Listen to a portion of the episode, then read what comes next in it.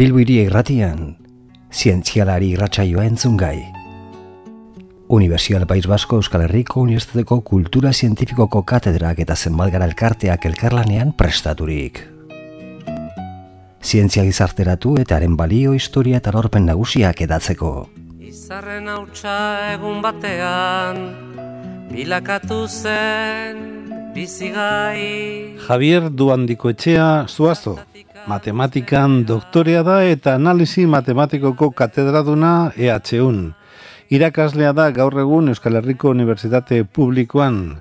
Matematika arloan ibilbideo paroko egilea izan da. Esaterako Euskaraz berrogei lan ditu argitaratuak, artikuluak, liburuak eta enparauak.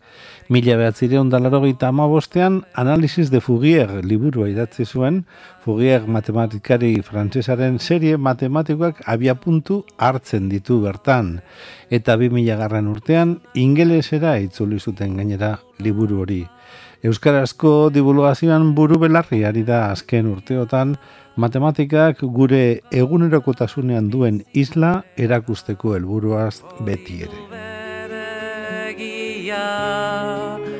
Ekin ekin bilatzen ditu, zaiatze hortan ezin gelditu. Zientzialari saioaren barruan, beste emanaldi bat eskainiko dizuegu launok eta matematikaren bidetik etorriko da. Berau ere, eta aurrekoetan bezala, ba, Javier Duandiko txea eukiko dugu gidari horretan. Gaurkoan, hain zuzen ere, ba, zenbakien e, oian handi horretan murgilduko gaitu berak, izan ere, eguneroko bizimoduan, ba, konturatzen espagarare, zenbakien erabilera handia egiten dugu guk eta zenbakiek inguratu egiten gaituzte. Adibide asko eman ditzakegu, telefono aurkitegian daudenak, barra kodeak, e, egazkin txarteletan, bueno, denetariko kodetze lanak egiten dira zenbakiekin, eta hoietaz, hasiko gara. Kaixo, e, Javier? Kaixo. Artikulua egin zenuen eh, honetaz, aspalditxo bai, duela, bai. zientzia kaieran, eta artikulu horri helduta haren laburpentso bat egiten saiatuko gara, eta horko mamia ateratzen amar bat minutuan, ondo baderitzazu. Edertu. Bueno, ba, aparatuak eta gure okerrak artikuluan, astapenean, aipatzen duzu, e, ba, bueno, aparatuek beti antzematen eta atzematen dituztela gure okerrak. Zergatik, e, zenbaki bat okerre tekleatzen dugunean adibidez e, telefonoan. Eta hori esaten duzu enpresei nola bait interesatzen zaiela, ezta? Bueno, bai, hor, e, lehenengo esan behar dugu zertasari garen, ez? Eta da, e, identifikazio zenbakiak. Identifikazio zenbakiak izan daiteke guk identifikatzeko ba, daukagun e, nortasun ageriaren zenbakia, edo produktuek e, ba, supermerkatuetan edo daukaten zenbakia, edo kontu korrontean daukagun zenbakia, txarteletan eta hainbat lekutan, ez? Orduen, mm, zenbakizko e, datu horiek sartu behar izaten dira, makina baten bidez edo non baiten, eta e, interesatzen zaigu normalean e, guri eta enpresei ba, e, zenbaki komeni den o behar den zenbakia sartzea, ez okertzea zenbakia sartzean, ez? Orduan horretarako asmatu dira modu batzuk, ba, mm, ikusteko benetan sartu dugun zenbakia da dela sartu nahi duguna. Mm Adibidez, telefono zenbakia teklatzen dugunean oker badago ez digu inork esaten beste aldekoak hartzen duenean esaten digu okertu egin zara. Hor ez dago berez e, inon eh, kontrol eh, zenbaki bat eh, egiaztatzeko zuzena den ala ez. Baina beste produktu batzuetan bai. Mhm.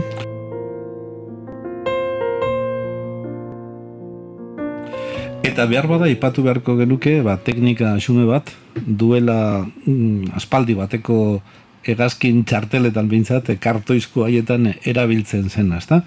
Hor, izan ere, teknika bat eh, asmatu zen. Ze, ze teknika, zetan zetzan teknika hori, egazkin konpainiek asmatu zutena beren bidaiarien kontrolerako?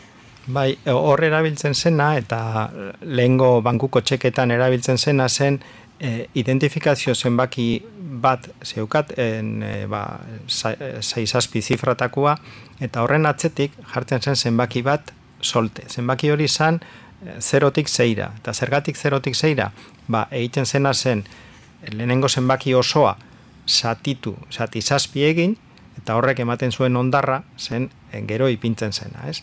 Orduen, zer e, saiestu behar zen, edo zertarako egiten diren bai hori eta beste guztiak, ba, normalean tekleatu behar duzunean e, zenbaki hori, ba, eskua batzutan ba, okertzen da eta zenbaki tekla bate e, jo beharrean albokoari joten dio eta orduan bost nahi duzun lekuan sei ipintzen duzu edo batzutan e, bigarren aurrek e, lehenengoa baino harinago doa eta bat hiru egin beharrean hiru bat egiten duzu eta olako errore batzuk e, ba, detektatzeko egiten dena da azken zifra hori ipini hor eta orduen ba, e, saiatu ba, esaten e, hori egin duzun eh, zenbaki hori zerbaitetan oker dago. Orduan, hasi behar duzu barriro sartzen, Beraz, ez duela horrekin bat etortzen, ez delako horrekin bat etortzen. Esan genezake, zatiketa automatiko bai, bat bai, bai, hori behar da, eh? hori, be, hori behar da, automatiko bat dago, eta espadator bat ondar horrekin, ondar hori espada zenbaki horri dagokiona, orduan, tak, salto hitzetu. Claro, hori behar da, bueno, ordenadore asmatu arte, pues, eh, esan baten bate egongoan zatiketak eskuz egiten, ez? Hori ordenadoreak automatikoki egin behar du, eta esan, hau ez da posible.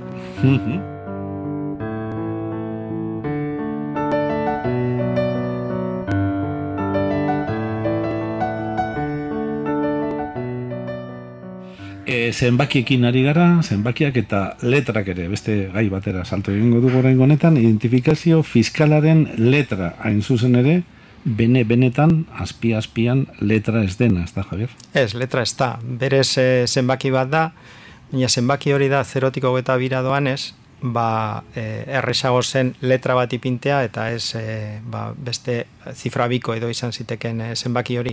Baina makinak irakurtzen duena zenbaki bat da, ez du letra bat e, benetan irakurtzen horrez. Sistema bera da, hori ere asmatu zen e, duela hogeta bost bat urte, hogeta zei edo dire e, Espainiako hogasun sistemak sartu zuela, eta ana e, egin zena izan zen lehentik geneukan nortasun agiriaren zenbakia, zati hogeta hiru egin, eta horrek ematen du ondar bat, zatik eta horrek ematen du ondar bat, zerotik hogeta bira doana. Eta zerotik hogeta birako e, zenbaki bakoitzari, ba, e, letra bat, hm, ez lehitu zitzaion, modu, bueno, ez dakit kapritxosoa edo, baina ez daude e, letrak berez ordenatuta, baina adibidez, ba, zero bada, T tokatzen da, ez dakit, amairu bada J, e, bost bada M, eta edo zeinek egin dezake etxean proba, hartu bere zenbakia, zati hogeta iru, ondarra egin, eta gero, bueno, jakin behar da ondar horri ba, e, ba, letra bakoitza, zenbaki bakoitzari zen letra da okio, baina hori errestopatzen da. Eh? E, ordenadore baten Google nipini eta esango dizu zein den e, ba, e, zera hori, ez? Letra, zein letra tokatzen zaion ondar horri orain, eta ondo egongo da. Orain ohartzen nahi zenez, denbora pasetan ere badago alako deskodetziak, ez da? Letrak mm. zenbakien ordez eta zenbakiak letren ordez, ez da? Azken finean, Bai, hemen, hemen berez eh, ordenadorek eh, horretarako zenbakiekin egiten dute lan, eh? eta letraren da modu bat zenbakia ordezkatzeko, baina ordenadoreak egin behar duena da egiaztatu eh, benetan eh, sartu dugun letra dela ondarrari dagokiona eta txarto sartzen baduzu ez dizu hartuko eta orduen sartu behar duzu ondo, mm baino ez da.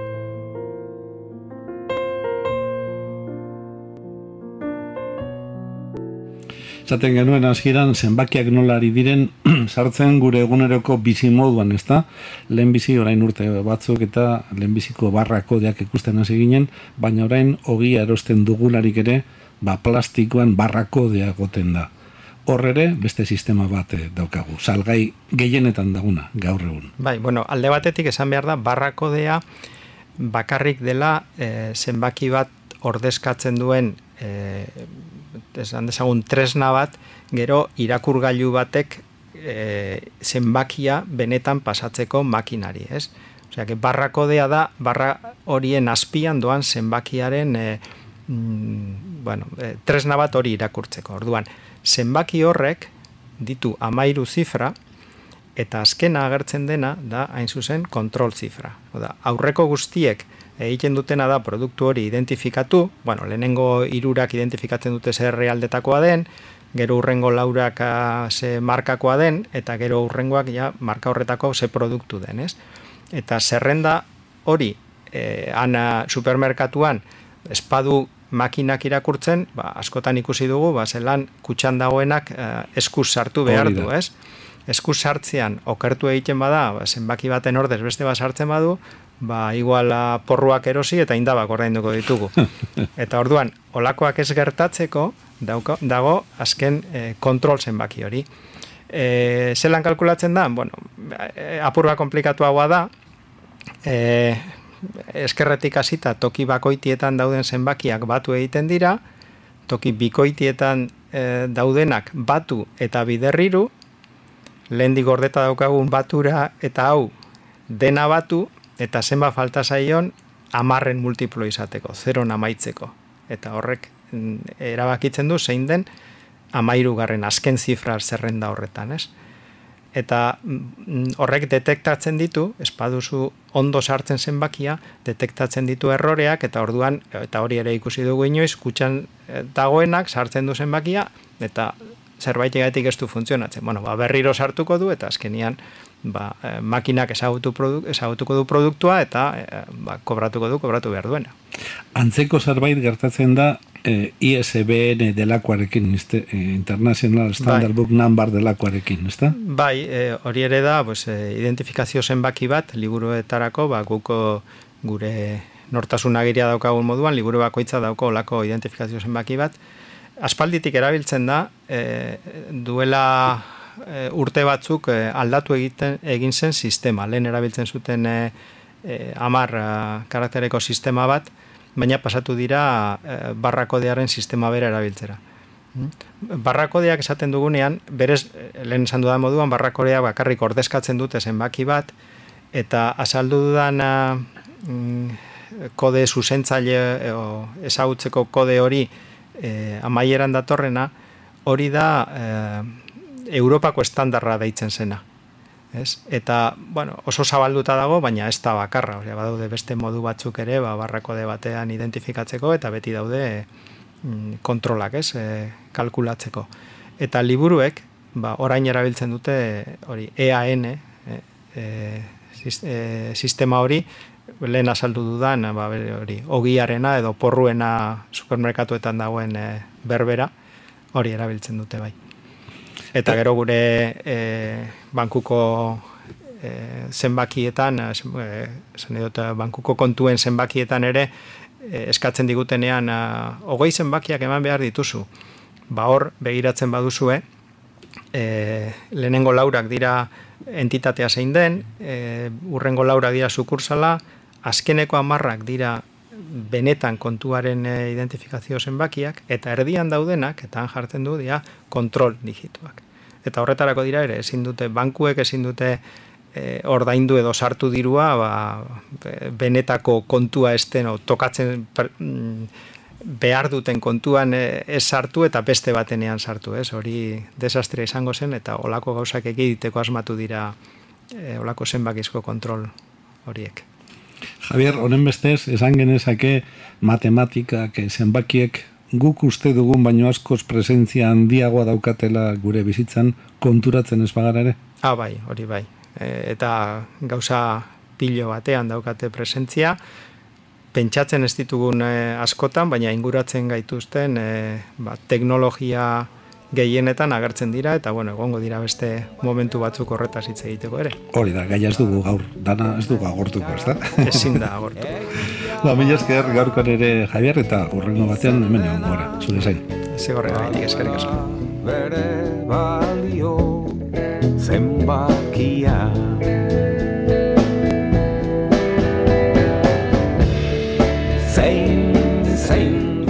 Universidad País Vasco Euskal Herriko Unibertsitateko Kultura Zientifikoko Katedrak eta zenbat gara elkarteak elkarlanean prestaturik.